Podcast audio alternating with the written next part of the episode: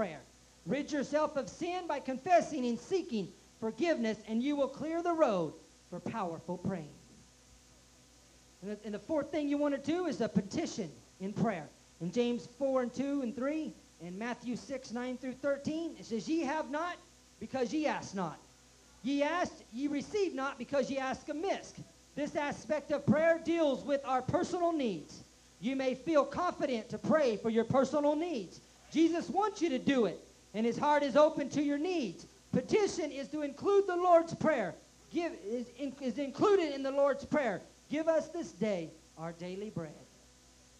And the fifth thing is an intercessory prayer. In 1 Timothy 2 and 1 and 2, in Matthew 9, 37 through 38. An intercessor, inter, intercession is praying for the lost and involves the most intense dimension of prayer. Intercession is God's love flowing through us. You can expect the power of God to be released in this form of praying. Intercessory prayer is one of the most powerful prayers that you can pray.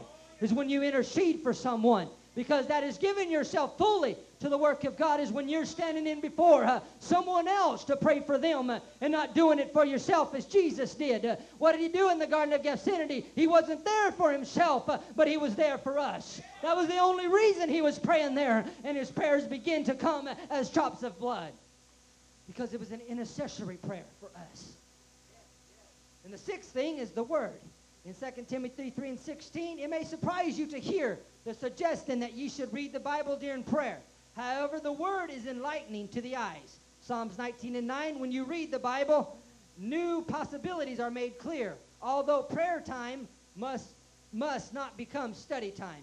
A brief moment of Scripture, Scripture reading is a virtual, is vital to the completion of prayer. Meditation, Psalms 1, 1 and 2, and Psalm 77 and 12. In meditation, you ponder on the spiritual theme of God's Word and Spirit.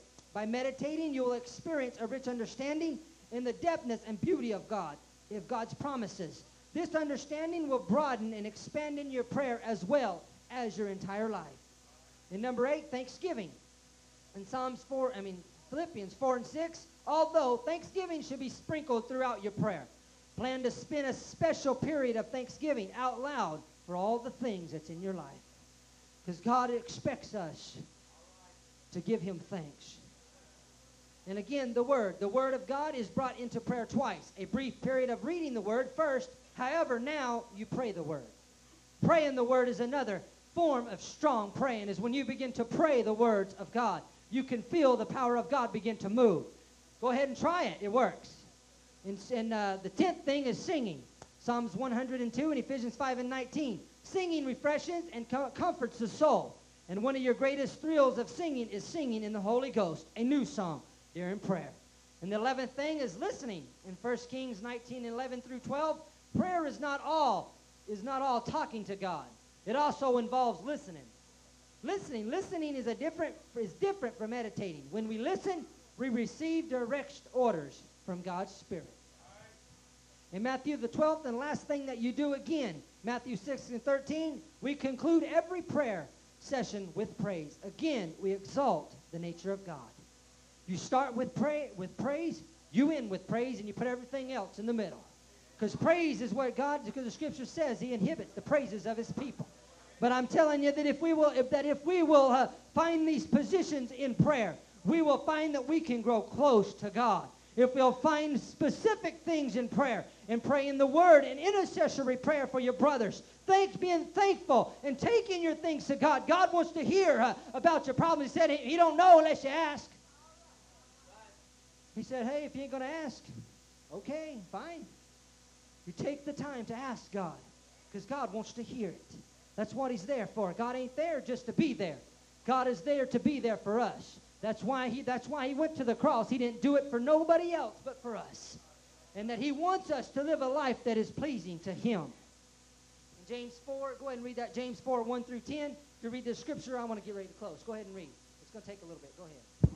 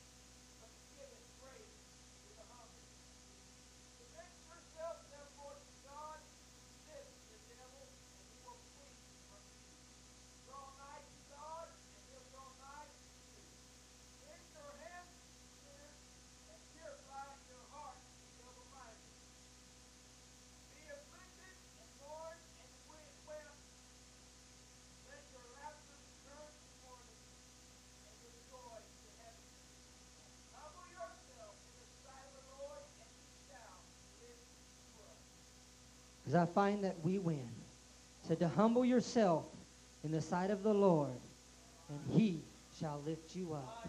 If we'll find that spot to humble ourselves, that is a spirit experience of humbling is when you bow before the Lord and you begin to pray to him.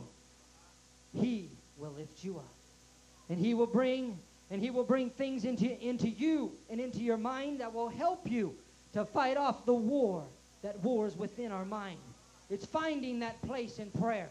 When things don't look right and you're getting awful upset at the world, find that place in prayer. When you're mad at your brother or your sister, find that place in prayer. Or you feel yourself feel yourself getting mad at them because if you get mad and say something, you're going to have to go repent. You're going to have to apologize. So please don't do that. But it's finding that place in prayer. When things don't look right and you're having a bad day, just find a place in prayer. You can do it anywhere. Just put your mind, because the scripture still said in 1 Thessalonians 5 and 17, pray without ceasing. If we had put that in mind and do that, we would have a better and uh, we would have had a better relationship with God. We'd have a mighty better relationship with Him. So Travis, you can get ready to sing. I just want to put that, I just had a little thought I want to bring before you, and that is prayer. That if we could find that place in prayer, I know we don't feel like it sometimes. I don't feel like it. I, I, sometimes we don't feel like coming to church, but it's necessary. If we're going to live right, if we're going to live holy, and we're going to help people get a hold of God, we're going to have to find that place in prayer. We're going to have to find that place of forgiveness with Him to have a good relationship with God. That is another, another, uh, another key to getting hold of, hold of God. The key to a good relationship is a forgiving heart. That's another key to a good relationship. That goes, that goes with a brother and a sister, a wife and a husband. The key to that is a forgiving heart. Because there's going to be times you ain't going to get along. There's times that uh, you and God ain't going to be getting along because God's going to put us through some things that we don't understand. But the key to a good relationship is prayer and a forgiving heart. Because if we have those, God can touch us. God will be able to move in our hearts and he will be able to supply to us the strength that we need to carry on. Thankful to be here. I just hope that y'all that y'all got something out of what I said tonight. Is finding that place in prayer because that is important. Hallelujah.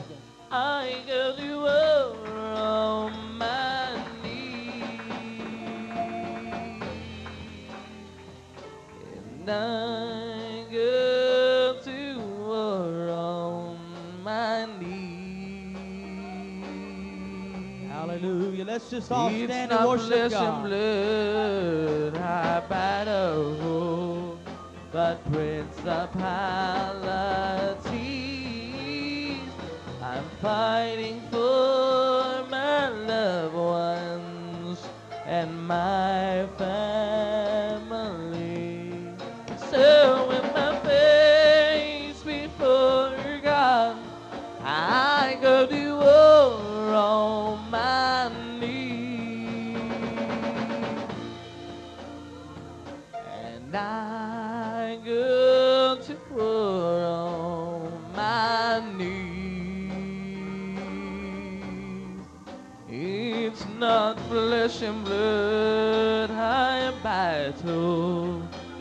principality.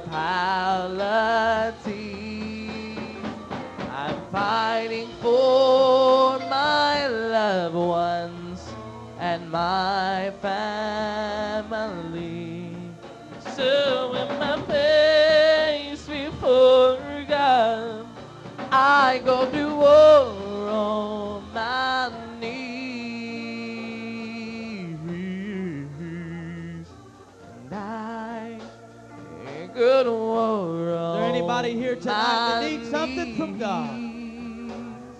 Hallelujah. It's not flesh and blood. You need prayer for your body, whatever it may be. But principality. I'm fighting for my loved ones and my family. So in my face before God, I go to war on my knees. I'm going to war on my knees. It's not flesh and blood I battle, but principality. I'm pining for my life loved ones and my family. So with my face before God, I go to war on my knees. Now, it's not the first time our battlefield experience. They mocked him, they beat him, the crew crossy board. Oh my God. Belly flash,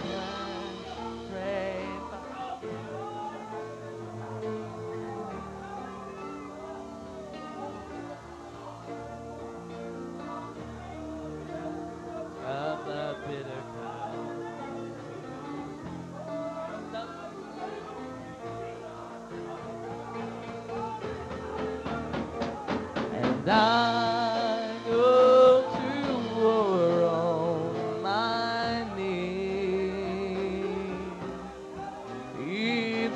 flesh and blood I battle, but principalities.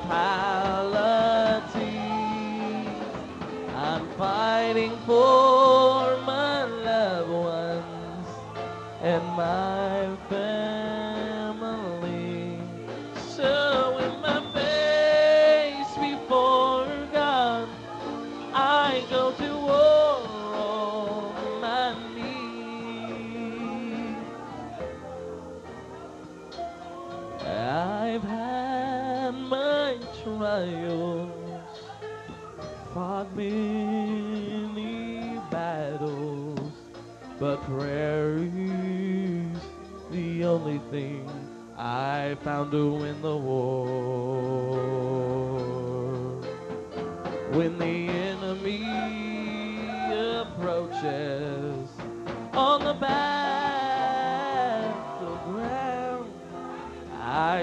faith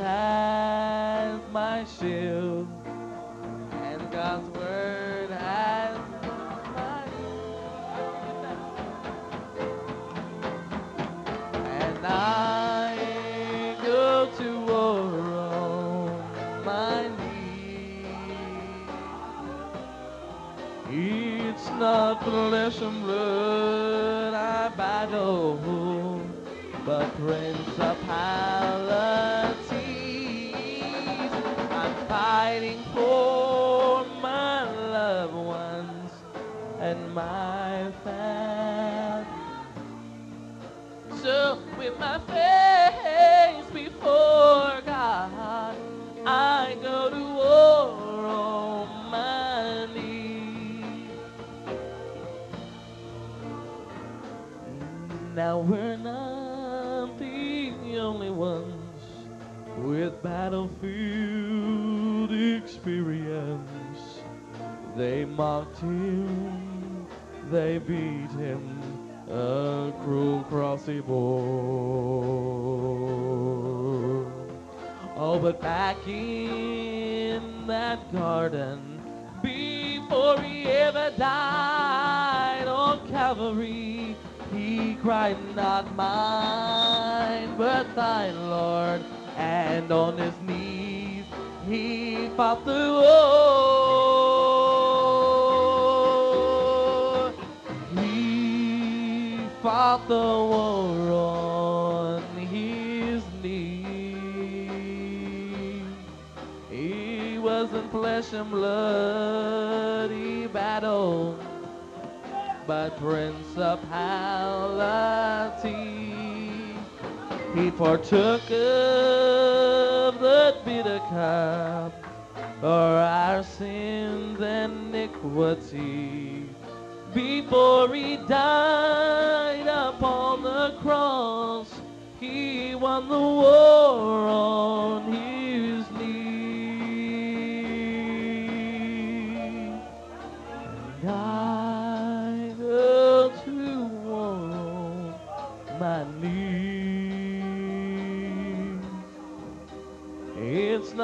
flesh and blood I battle, but principalities. I'm fighting for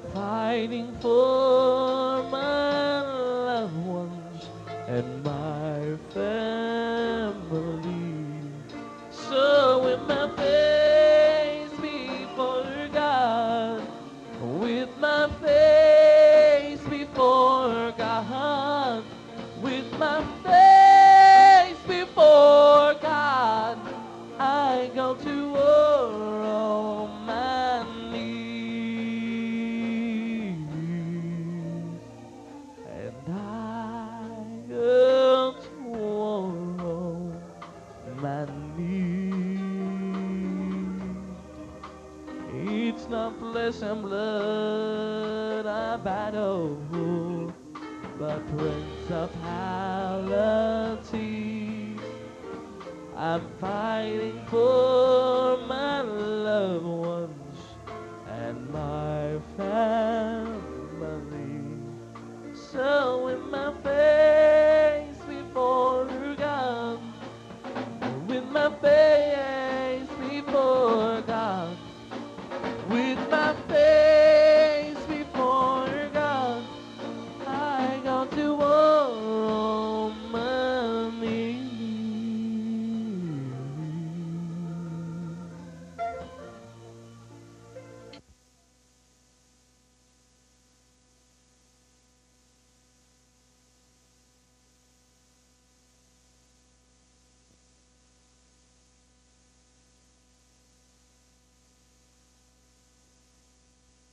together and give it to Brother Leroy to go fix it, get this car out of the shop.